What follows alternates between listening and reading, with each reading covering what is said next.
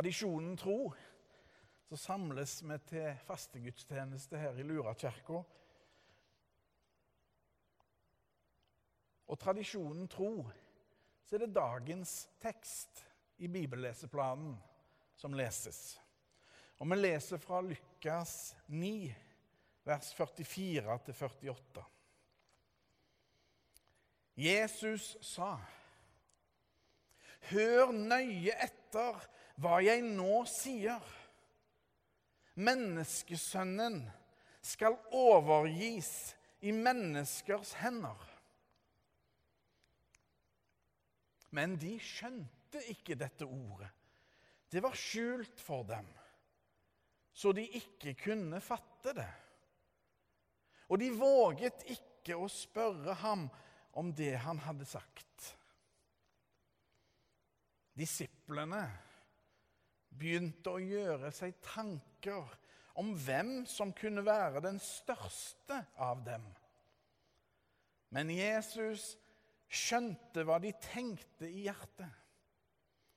Han tok et lite barn og stilte det ved siden av seg og sa til dem.: Den som tar imot dette barnet i mitt navn, tar imot meg. Og den som tar imot meg, tar imot ham som har sendt meg. For den som er den minste av dere alle, han er stor.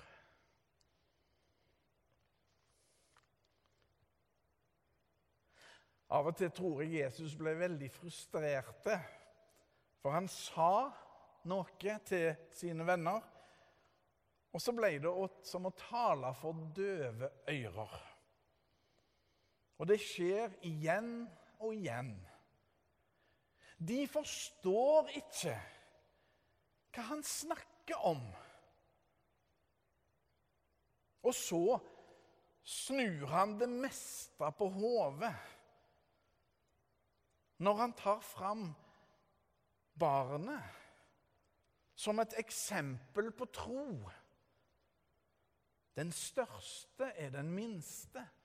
Den minste er den største. Og så blir dette, denne teksten vi nå har lest, det blir et lite stemningsbilde. For dette er andre gang at Jesus taler om sin lidelse og død. Hva skal skje i påsken? Og så virker de så lite mottagelige for hva Jesus faktisk sier. Nå er riktignok kapittel 9 i Lukas særdeles begivenhetsrikt. Og kanskje er de rett og slett blenda og distrahert av alt sammen. Hva er det Jesus gjør? Jo, han helbreder og gjør andre under. Og nettopp det som har skjedd, det som nettopp har skjedd, er rett og slett at 5000 har blitt mette av to fisker og fem brød. Og så har de òg fått se Jesu herlighet oppe på fjelltoppen. Så det har virkelig skjedd mye. Peter har nettopp bekjent om Jesus.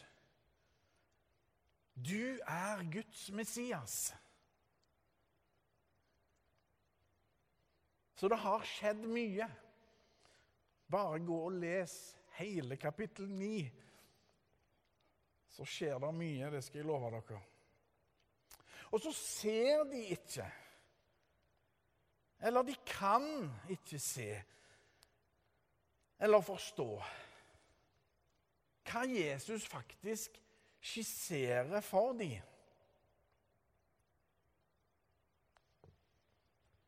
Krusifikset vitner om hva som faktisk skjedde. Og Hvis vi setter oss inn i disiplene sin situasjon, så er det ikke så veldig vanskelig å forstå.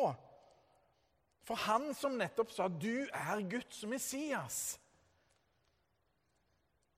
Han kan iallfall ikke forstå at Guds Messias skal dø, lide og dø.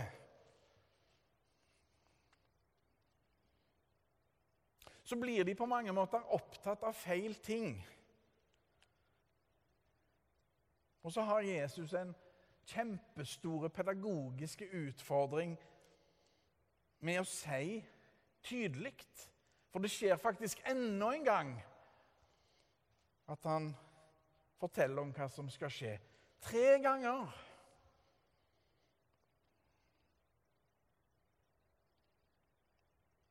Og så er det som skal skje, en tydeliggjøring av at den store, altså han, blir fornedra. Blir gjort liten.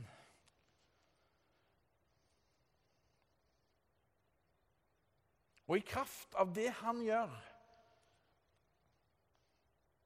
så er det at den minste blir stor.